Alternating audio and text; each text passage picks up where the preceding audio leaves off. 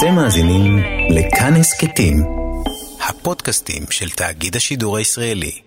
בשנת 86, חברת הפלדה ובניית הספינות הלאומית השיקה בסן דייגו, קליפורניה, שתי ספינות חדשות. כל אחת מהן הייתה מיועדת למשימה אחרת לגמרי. אוניית חיל הים האמריקאי, מרסי, הייתה בעבר מכלית נפט, ואחרי שעברה הסבה, אותרה בצלבים אדומים והפכה לבית חולים צף. המטרה, סיוע והצלה הומניטריים בכל רחבי העולם. האונייה השנייה נקראה אקסון ולדיז, וכל מטרתה בחיים הייתה להיות עגלה גדולה של קניות. היא הייתה מיכלית נפט אדירה שהעבירה נפט גולמי מוולדז שבאלסקה אל לונג ביץ' שבקליפורניה. ב-23 במרץ 1989 היא נכנסה להיסטוריה בגלל בקבוק וודקה ועבודה משרדית של עשר דקות.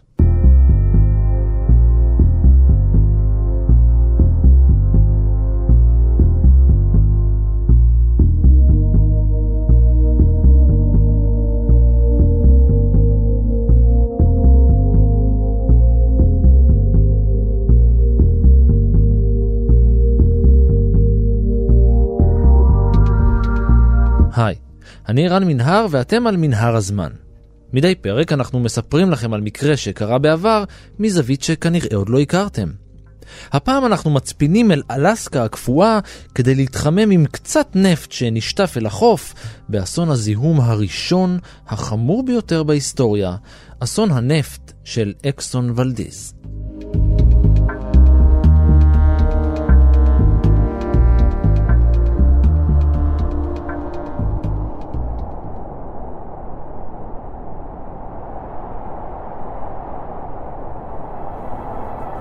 קר באלסקה. ממש ממש קר באלסקה. הטמפרטורה הממוצעת נעה שם בין 23 מעלות בשיא הקיץ ומינוס 33 בחורף. מדובר במקום שהשכנים שלו הם קנדה, רוסיה והקוטב הצפוני. קר.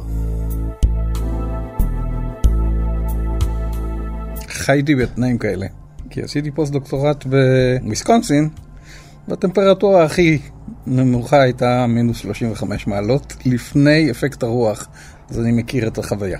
זהו פרופסור שרי גפני, ראש התוכנית למוסמך מדעי בפקולטה למדעי הים במרכז האקדמי רופין. זו שיש בו מפרצונים כאלה, או מפרצים כאלה, פיורדים אה, כמו מזכירים את מה שיש בסקנדינביה, ובאחד הפיורדים, למעשה במפרץ אה, שנקרא מפרץ הנסיך וויליאם, יש עיירה שקוראים לה ולדז. סך הכל, אה, כן, צפיפות האוכלוסין באלסקה, שהיא בעצמה סיפור מעניין, כי היא שטח שבעצם האמריקאים קנו מהרוסים תמורת אה, סכום אה, כסף שהיום נראה מצחיק. משמעות המילה אלסקה מגיעה מימים אחרים, בהם הייתה אלסקה חלק מהממלכה הרוסית. בשפה האלוטית, שפת הילידים במקום, היו הרבה מטבעות לשון, ניבים ומשפטים להביע רעיונות מסוימים, בעיקר בענייני שלג, קרח, קור וים. כשהיו בים בהפלגות ורצו להגיד משהו שהמשמעות הכללית שלו היא יבשה, הם אמרו, הדבר הזה שהים פונה אליו. רק שהם אמרו את זה במילה אחת, אלסקה.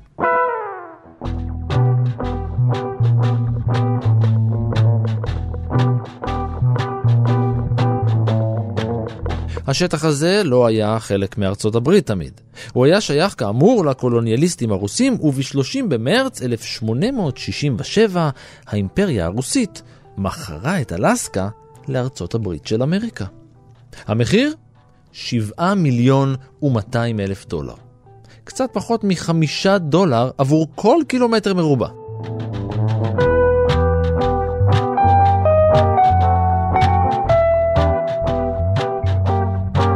כיום יש הרבה פחות ילידים באלסקה, הרבה פחות אזרחים רוסים והרבה יותר אמריקאים. טוב, אולי הרבה היא מילה גדולה מדי.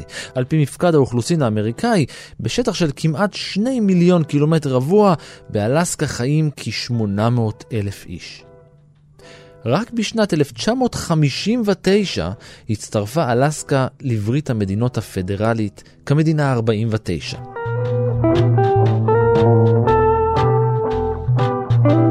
למה היא קנתה אותה?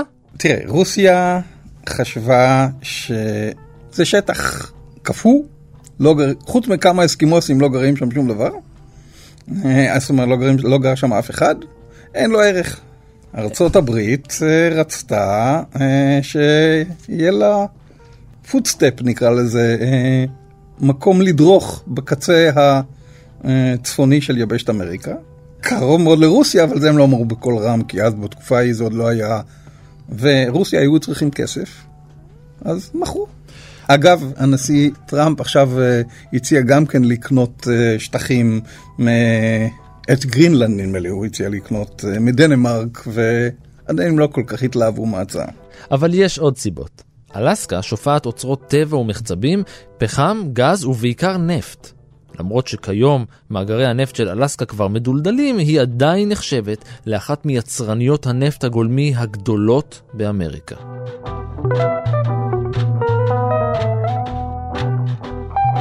אחרי שקנו אותם, די הרבה זמן אחרי שקנו אותם, התברר שהמקום הזה עשיר מאוד במחצבים, בעיקר נפט.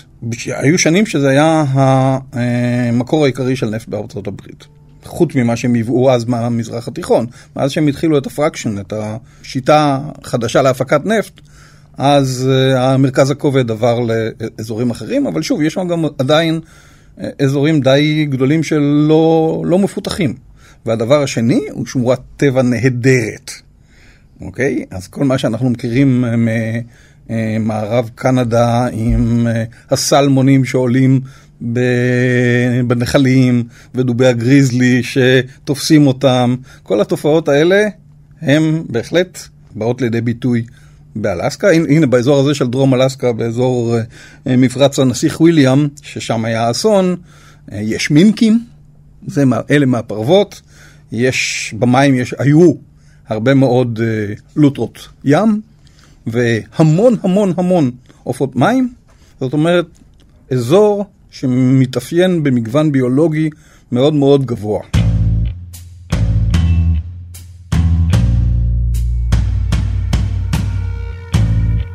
הכל התחיל בשנת 1902. שנים ידעו על שדות נפט ליד היישוב קטאלה שבאלסקה. באותה השנה סינדיקט Alaska Steam Coal and Petroleum שאבה לראשונה באמצעים פרימיטיביים נפט גולמי.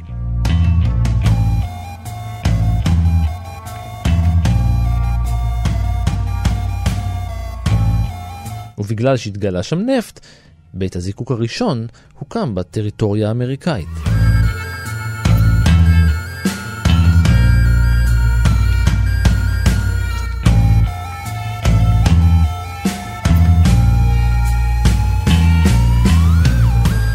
כיום קו הנפט הטרנס-אלסקי הוא צינור הנפט העמוס ביותר בארצות הברית.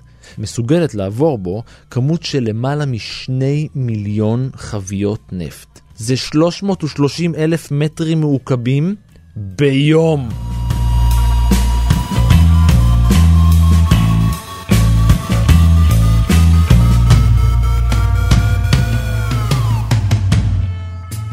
אין פלא שחברות ותאגידי הנפט הביעו עניין באלסקה.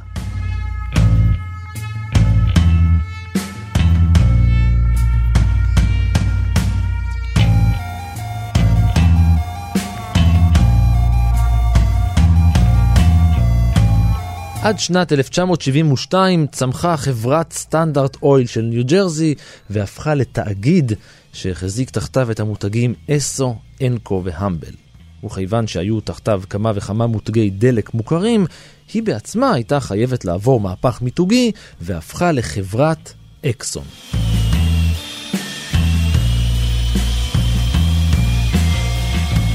תוך שנה החליפה החברה את שמות כל מותגי המשנה שלה. מתחנות דלק, דרך מוצרי דלק שונים ועד מוצרים קשורים ברחבי אמריקה כולה הכירו את השם אקסון. היא הייתה אחת משבע חברות ששלטו בתעשיית הדלק הבינלאומית מאז שנות ה-40 ועד ה-70's. היא עדיין לא החברה הכי גדולה בעולם, כי נדמה לי שארמקו, החברה של ערב הסעודית, היא הגדולה בעולם, אבל היא בהחלט חברה מאוד מאוד משמעותית. יש גם חברה אחרת בולטת מאוד שנקראת אה, בריטיש פטרוליום, נזכיר אותה בהמשך. אבל בשנת 73 קרה משהו.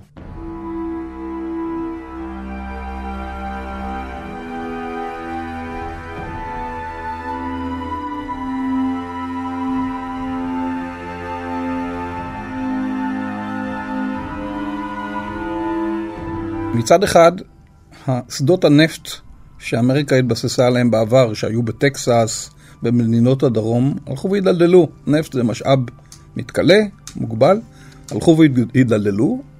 עלתה התלות של העולם כולו וגם של ארצות הברית במקורות אנרגיה כמו נפט. אה, נגמר להם שם, והם צריכים למצוא אה, פתרון, אז אה, קרו שני דברים. בארצות הברית באמת גילו את המחצבים הגדולים שיש באלסקה, ועברו להתבסס בעיקר עליהם. בשאר העולם, התלות בנפט ה... מהמפרץ. או מהמזרח התיכון הלכה וגדלה. מצד שני, העולם, אה, בניגוד לעכשיו, לא היה חסכן בנפט, חסכן באנרגיה. המחירים של חבית נפט היו סדר גודל של 6-10 דולר לחבית. חבית זה בערך בין 150 ל-200 ליטר. מחירים שהם מחירים מצחיקים בהשוואה למחירים היום, זה בערך אה, עשרה אחוז ממה שמשלמים על אנרגיה היום.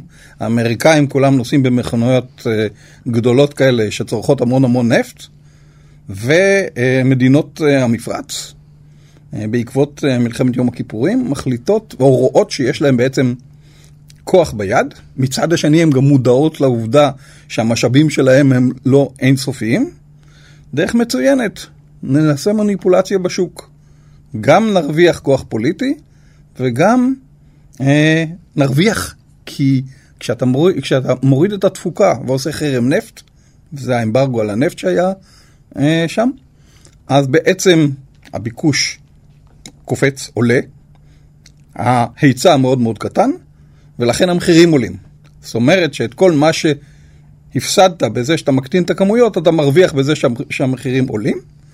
ואז נוצר בעצם חוסר מאוד מאוד משמעותי של נפט בעולם. אני הייתי נער באותו זמן, אז אני יודע שלמשל בישראל עברו למצב שבו אה, כל בעל מכונית היה צריך, היה לנו גם פתקה כזאת על החלון הקדמי, להשבית את הרכב שלו יום אחד בשבוע, אבל הבעיה הרבה יותר גדולה בארצות כמו אירופה, אה, כי אה, שמה הם צריכים במיוחד בחורף את הנפט בשביל להתחמם. ושוב, אין מקורות אלטרנטיביים כי לא פותחו טכנולוגיות אלטרנטיביות. כמו שאמר פרופסור גפני, בעקבות משבר האנרגיה, חברת אקסון הרחיבה את תחום פעילותה אל גבולותיה המרוחקים של האימפריה האמריקאית. אל הים הצפוני, אל מפרץ מקסיקו, אל אלסקה ואפילו מעבר לארצות הברית, אל אסיה ואפריקה ואפילו אוסטרליה. על מנת לשנע נפט מקידוחי הנפט שלה ברחבי העולם כולו, השתמשה החברה במגוון של דרכים, וביניהן צינורות אדירים ומיכליות.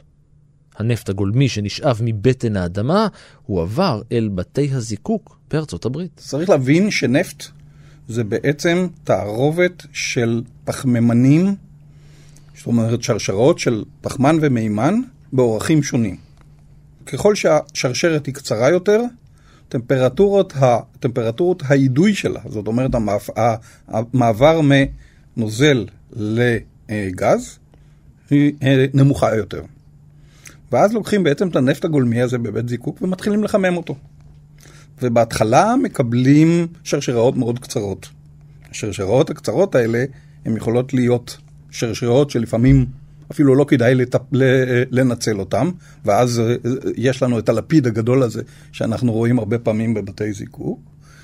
בנזין הוא סדר גודל של 20 וכמה פחמימנים, וכן הלאה וכן הלאה. ככל שהנפט, ש... זאת אומרת שהדלק, חומר הדלק, אה, ארוך יותר, מתאפיין בחומר, אה, בשרשרת יותר ארוכה, אז טמפרטורות האידוי שלו יותר גבוהה, ולכן כשמחממים אותו, כל פרקציה מתאדה בטמפרטורה אחרת, בזמן אחר, ואפשר להפריד אותם ולמכור אותם כתזקיקים. זה בעצם מה שעושה בית זיקוק. בסוף נשאר, נשארים החלקים הכי כבדים, והחלקים הכי כבדים האלה זה בעצם הזפת, הביט, הזפת, הביטומן שאנחנו מכירים, שמשתמשים בהם אפילו לריפוד כבישים וכדומה. שחור, חומר שחור וכדומה. צריך לזכור, נפט גולמי הוא בדרך כלל שחור. באלסקה הייתה צריכה חברת אקסון להעביר את הנפט שזרם מתחנות השאיבה בצינורות אל שאר בתי הזיקוק של האומה.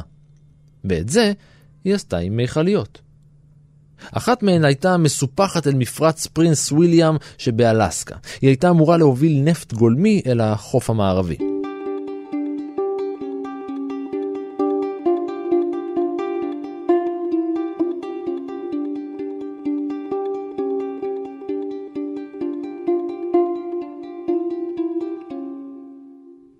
בשנת 1790, באזור שופע דגי סלמון, שוניות אלמוגים, כלבי ים ועופות ים, באחד מחופיו של הפיורדים שבמפרץ פרינס וויליאם, הוקמה העיר ולדיז, על שמו של שר הימייה הספרדי, ולדזי פרננדז בזן.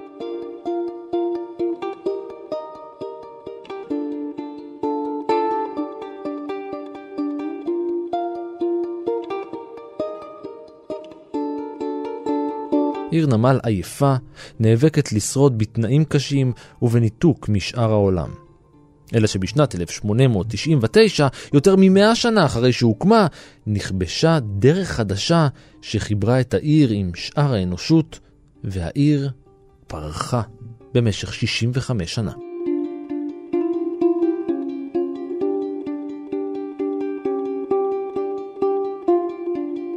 בשנת 1964 פקדה את ולדיז רעידת אדמה אדירה בעוצמה של 9.2.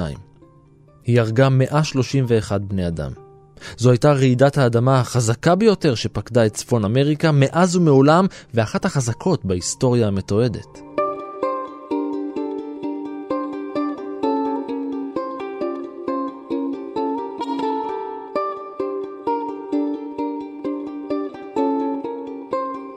המכלית של חברת הנפט קיבלה את השם אקסון ולדיז. היא הייתה ענקית, יותר מ-300 מטר לאורך ובגובה של 26. היא הייתה מסוגלת לשאת 235 אלף מטרים מעוקבים של נפט. אני אעזור לכם עם החישוב, זה מיליון וחצי חביות.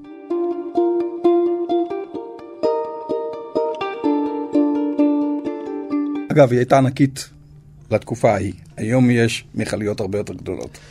כל המכליות באותו זמן היו מכליות שהן כמו כל אונייה. היה להם דופן יחידה אחת שמפרידה בין המכלים שמכילים את הנפט לבין הים.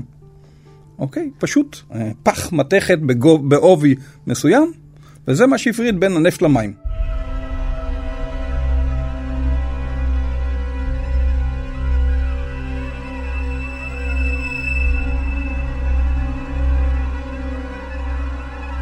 בשעות הערב המאוחרות של 23 במרץ 1989 עמדה האקסון ולדיז לעזוב את המזח שבפיורד שבאלסקה.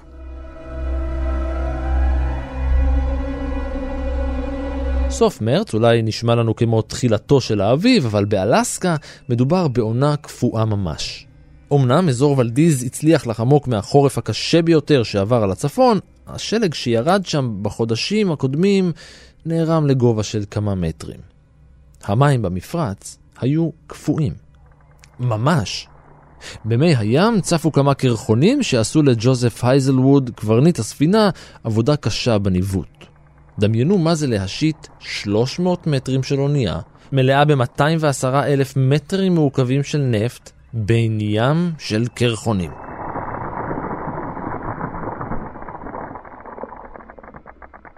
עבודה לא פשוטה, במיוחד אם אתה קצת מסוחרר. וקפטן הייזלווד היה קצת מסוחרר. הוא שתה וודקה לפני שעלה אל הסיפון, ועכשיו הניווט הזה בים הקרחונים, הספינה, הוודקה, הוא היה צריך לנוח לכמה דקות, או לפחות להשקיט את הטלטולים. לכן הוא ירד אל בטן הספינה, אל המשרד שלו, לעבור על הניירות. לעשר דקות. במקומו הוא השאיר על גשר הפיקוד מישהו אחר שיהיה אחראי, חובל משמרת. מישהו לא מיומן, לא מורשה, לא מנוסה, ובעיקר עייף, אבל רק לכמה דקות.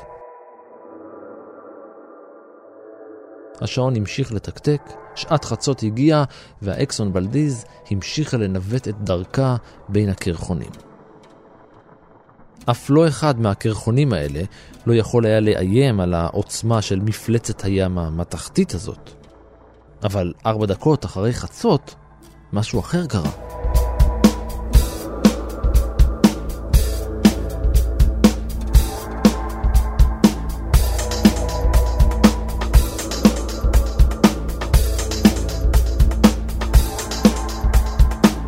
בשעות הבוקר המוקדמות התעוררו מכשירי הקשר של פקחי התנועה במשמר החופים בוולדיז.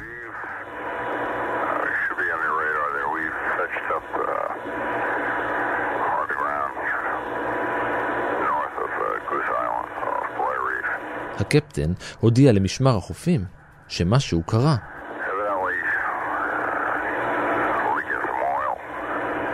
מה? החובל הלא מיומן בניווט המכלית היה עייף מדי, והוא לא ידע שהמכלית עוברת מעל שונית סלעים אדירה שקרעה את מעטפת הספינה.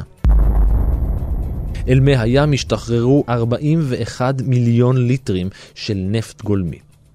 17 בריכות אולימפיות מלאות נפט התרוקנו בבת אחת אל תוך הים.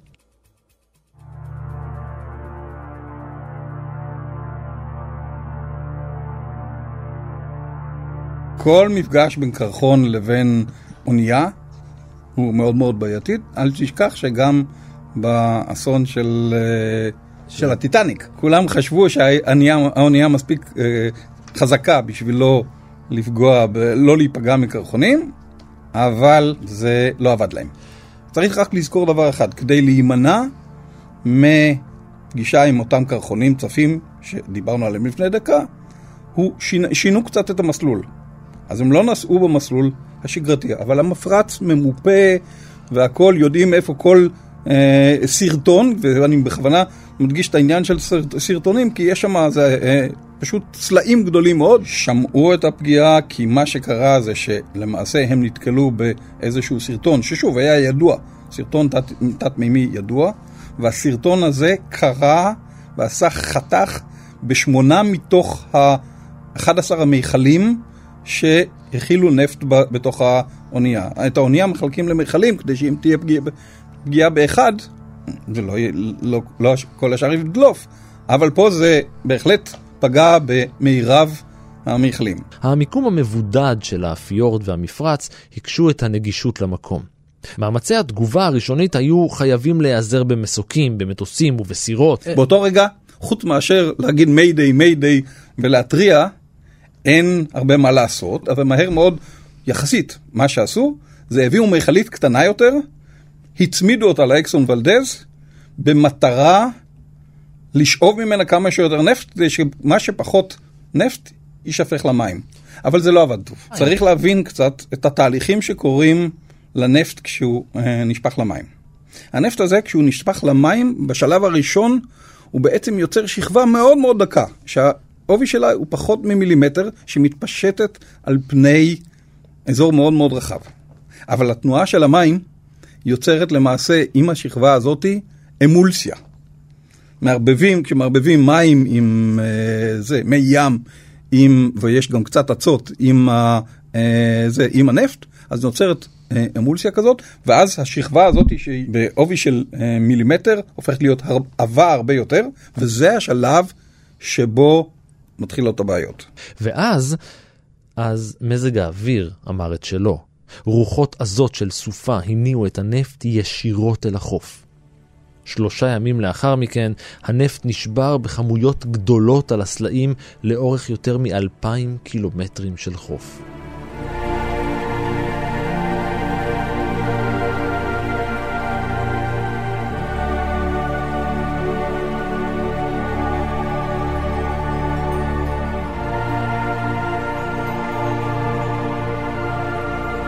הראשונים שנפגעו בצורה מאוד מאוד אה, משמעותית היו עופות מים.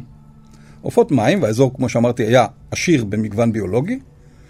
הנוצות שלהם מתכסות בנפט כזה.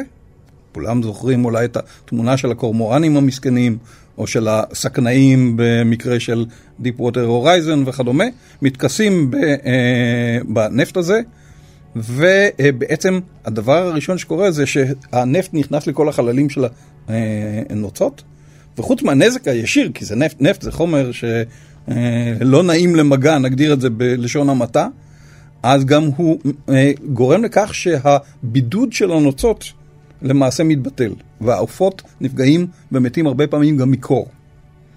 אז אה, בערך סדר גודל של חצי מיליון עופות מים, למעלה מ-150 מינים שונים, נפגעו בצורה אנושה. אבל זה לא רק הם. רשימת ההרוגים באירוע ארוכה. רבע מיליון ציפורים נהרגו, שלושת אלפים לוטרות ימיות, 300 כלבי ים, 250 עיתים, 22 לוויתנים קטלנים ומיליארדי ביצים של דגי סלמון שעדיין לא בקעו. אוכלוסיית דגי ההרינג הפסיפי צנחה, דבר שפגע קשות בתעשייה ובפרנסה של דייגי האזור. עכשיו ההשלכות הן אה, גם לטווח הקצר ואפילו לטווח הארוך הן השלכות אה, מאוד מאוד משמעותית, משמעותיות, כי הדגים נפגעים, ההטלות שלהם נפגעים, הדגיגים נפגעים, ולמעשה פגיעה מאוד, ואגב, דייג סלמון ודייג אה, הרינג היו תעשיות מאוד מאוד, זאת אומרת מקור פרנסה מאוד מאוד משמעותי לתושבי האזור, עוד לפני שהיה נפט. וזה נפגע בצורה מאוד מאוד אנושה, למשך כמה שנים אה, טובות אה, הייתה פגיעה מאוד מאוד גדולה, כמובן משבר כלכלי מאוד מאוד גדול. דייגים ירדו מנכסיהם. המצב הכלכלי היה כל כך חמור, עד שראש מועצה מקומית באזור שם קץ לחייו. עכשיו שוב, התחלנו לתאר את הפירוק של הנפט, או מה קורה לנפט, אבל בשלב הבא, הפרקציות הקלות מאוד של הנפט מתאדות, ו, וזה חשוב מאוד, חלק מהמרכיבים הכבדים יותר פשוט שוקעים למטה לקרקעית. וכשהם שוקעים לקרקעית, אז הם גם משפיעים על היציבות של הקרקעית, של החול, אבל גם הורגים ומכסים את כל מה שיש בקרקעית, והן נשארות שם להרבה מאוד זמן.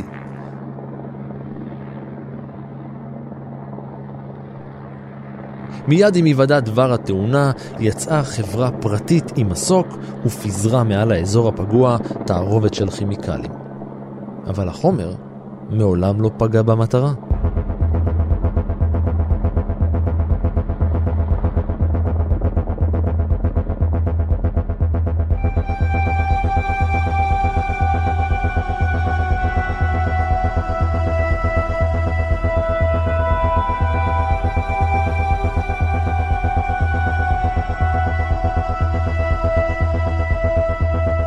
גם מאמצי השאיבה הראשונים שבוצעו על ידי אזרחים וחברות פרטיות לא הצליחו, כיוון שהנפט סתם את המשאבות שלהן. 11 אלף איש מתושבי אלסקה וכמה בודדים מחברת אקסון, כולם עבדו על שיקום הסביבה הפגועה.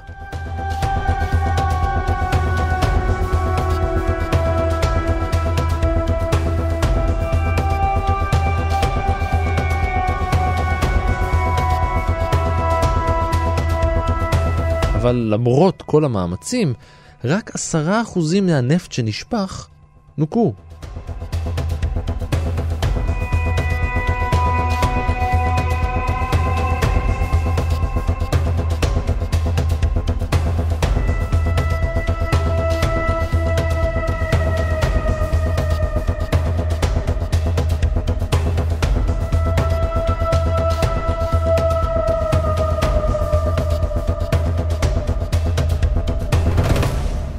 אז איפה הייתה חברת אקסון? הם לא היו ערוכים לזה. אגב, הרבה מאוד מהפעולות שעשו שם גרמו לפעמים ליותר נזק מאשר אם לא היו עושים כלום.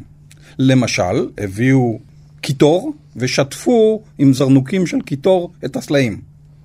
אבל הקיטור בעצמו, שזה עדים בחום, הורגים את כל מה שיש. אז כן, ניקינו את הסלעים. מה זה ניקינו? סילקנו את הנפט, לא פירקנו את הנפט. סילקנו את הנפט מהסלעים, אבל גם הרגנו את כל מה שיש בדרך. ולכן, אה, בסך הכל, למרות שהושקע שם מאמץ רב, אה, התוצאה הייתה פשוט קטלנית ונוראית מבחינה אקולוגית. הבדיקה והחקירה לא איחרו לבוא. חלק מהמאמצים הוביל למסקנה שחברת אקסון לא פיקחה כראוי על הצוות של הספינה, שהיה עייף מדי. הרדאר של הספינה לא היה מתוחזק כמו שצריך, כך שלא התריע על שונית סלעים או על מכשול כלשהו מתחת לפני הים. על פי אחת העדויות, הרדאר שכב שבור ולא תפקד במשך שנה שלמה, עוד לפני התאונה, בידיעת ההנהלה באקסון, שדחתה את הטיפול בו בשל עלויות גבוהות. במשפט שנערך לו, אחד העדים העיד שקפטן ג'וזף הייזלווד לא היה שיכור בזמן התאונה עצמה. אולי קודם לכן, כן, אבל לא בזמן התאונה. אז הוא נוקע מאשמה בעניין הזה. בשנת 2009 התנצל הקפטן בפני תושבי אלסקה. Larry, it really is a mess today because the winds shifted direction. They're now out of the southeast, blowing this oil, this sludge, into the bayous of southeastern Louisiana. Well south of לפי כל מה שדיברנו עד עכשיו, אז בעצם אפשר להבין שהאירוע של אה, אקסון ולדז בעצם אירע סמוך לבני המים. האסון האחר של חברה אחרת, דרך אגב, של בריטיש פטרוליום, היה במפרץ מקסיקו, ושם התפוצצה למעשה באר, אבל היא התפוצצה בעומק המים, בעומק של בערך של למעלה מאלף מטרים בתוך הים. זה גם לא היה כל כך קרוב לחוף. אז למשל מבחינת ההיקף של, הכמויות הן פי עשר בערך, אבל ההיקף של חופים שנפגעו הם אה, סדר גודל של 300-400 קילומטר לעומת 1,900 אה, קילומטרים שנפגעו שם. בשנת 2010, באירוע שפיכת הנפט החמור ביותר בהיסטוריה בקידוח הנפט התת-ימי Deepwater Horizon, נשפכה אל מי האוקיינוס של מפרץ מקסיקו כמות השווה לזו שנשפכה מאקסון ולדיז, אבל כל חמישה ימים במשך שלושה חודשים. The animals get in this. It's a plankton all the way to the river otter problem. We may not know about how many animals died from this. This is basically the, the, uh, the fishery of the Gulf of Mexico right here, and we will be killing plankton.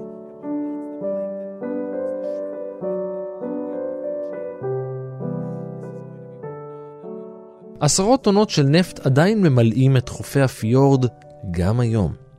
למרות זאת, חברת אקסון טענה כי הנפט לא יגרום להשלכות ארוכות טווח לסביבה. הממצאים של המחקרים שנערכו מטעם אקסון קבעו שהסביבה במפרץ פרינס וויליאם שוקמה והיא בריאה ומשגשגת. זה דרכן של חברות אה, לטעון ככה, והם מתייחסים בעיקר לנזקים לטווח הקצר, אבל שוב, יש מינים, כמו למשל מין של ברווז מים מסוים, שנעלמו לגמרי. נעלמו לגמרי, זאת אומרת שהם לא חזרו לשם. כן, באמת, אחרי שנה, שנתיים, שלוש, אפשר היה מחדש לדוג את הסלמונים ואת ההרינגים, למרות שהייתה פגיעה מאוד מאוד אנושה בשלל, אבל עם הזמן זה מתאושש.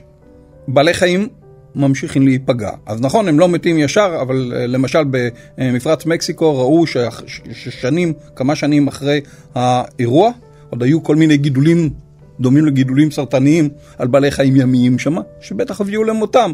כל אחד מת בשקט, ולא ספרו אותו, אבל אה, בסך הכל זה הביא אה, לאפקט הזה.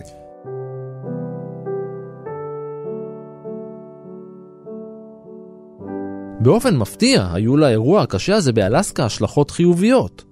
שנה לאחר מכן חוקק בארצות הברית חוק זיהום הנפט, שאוסר על מכליות נפט ללא בטנה כפולה מלהיכנס למים הטריטוריאליים האמריקאים. בנוסף, הרשויות למדו כיצד להגיב לאירועים כאלה במהירות וביעילות רבה יותר. משאבים חדשים הוקצו, כסף ותקציבים, קנסות מוגדלים ואכיפה מוגברת.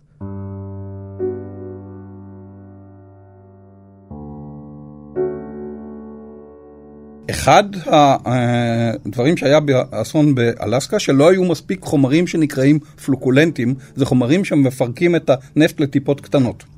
אז הכינו אה, מלאים מספיקים, ובאמת באסון בעלה, במפרץ מקסיקו ריססו בהרבה מאוד פלוקולנטים, אך דאקה, כמו שאומרים בספרות היפה. הבעיה שהתברר אחרי כן שהפלוקולנטים בעצמם גרמו לנזק גדול מאוד, ולכן, אוקיי, למדנו משהו, אבל לא בעצם עשינו הרבה. אה, מצד שני, כן, יש את העניין הזה של אה, הדופן של המכליות, ובאמת יצאה תקנה שמאותו זמן ואילך, נתנו טווח מסוים של שנים, כל המכליות צריכות להיות עם דופן כפולה, כדי שאם יקרה מקרה כמו זה שקרה לאקסון ולדז, אז הדופן החיצונית תיקרע והפנימית לא תיפגע, כך נקווה, ולכן יימנעו אסונות שכאלה. בשנת 2002 האיחוד האירופי הוציא אל מחוץ לחוק שימוש במכליות בעלות דופן אחת.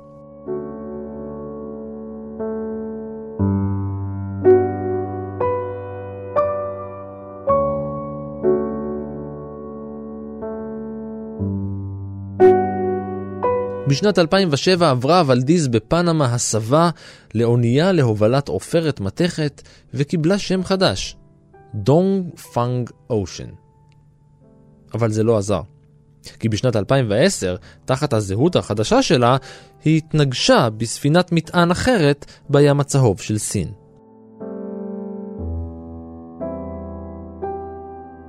אחרי השיפוץ, היא שוב קיבלה שם חדש, הפעם היא נקראה אוריינטל נייסטי, חביבות מזרחית. בשנת 2011 היא נמכרה לחברה הודית לפירוק לטובת מתכת.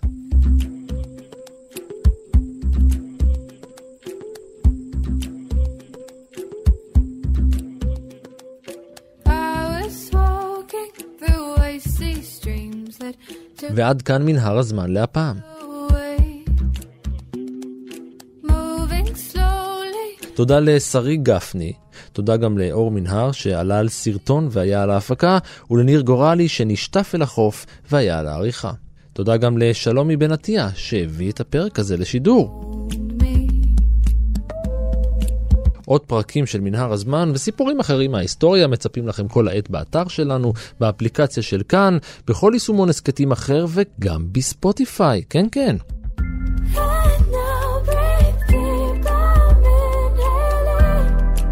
מנהר הזמן משודרת מדי יום שני בשעה 4 אחר הצהריים ברשת כאן תרבות. אני רן מנהר, נשוב וניפגש בפרק הבא.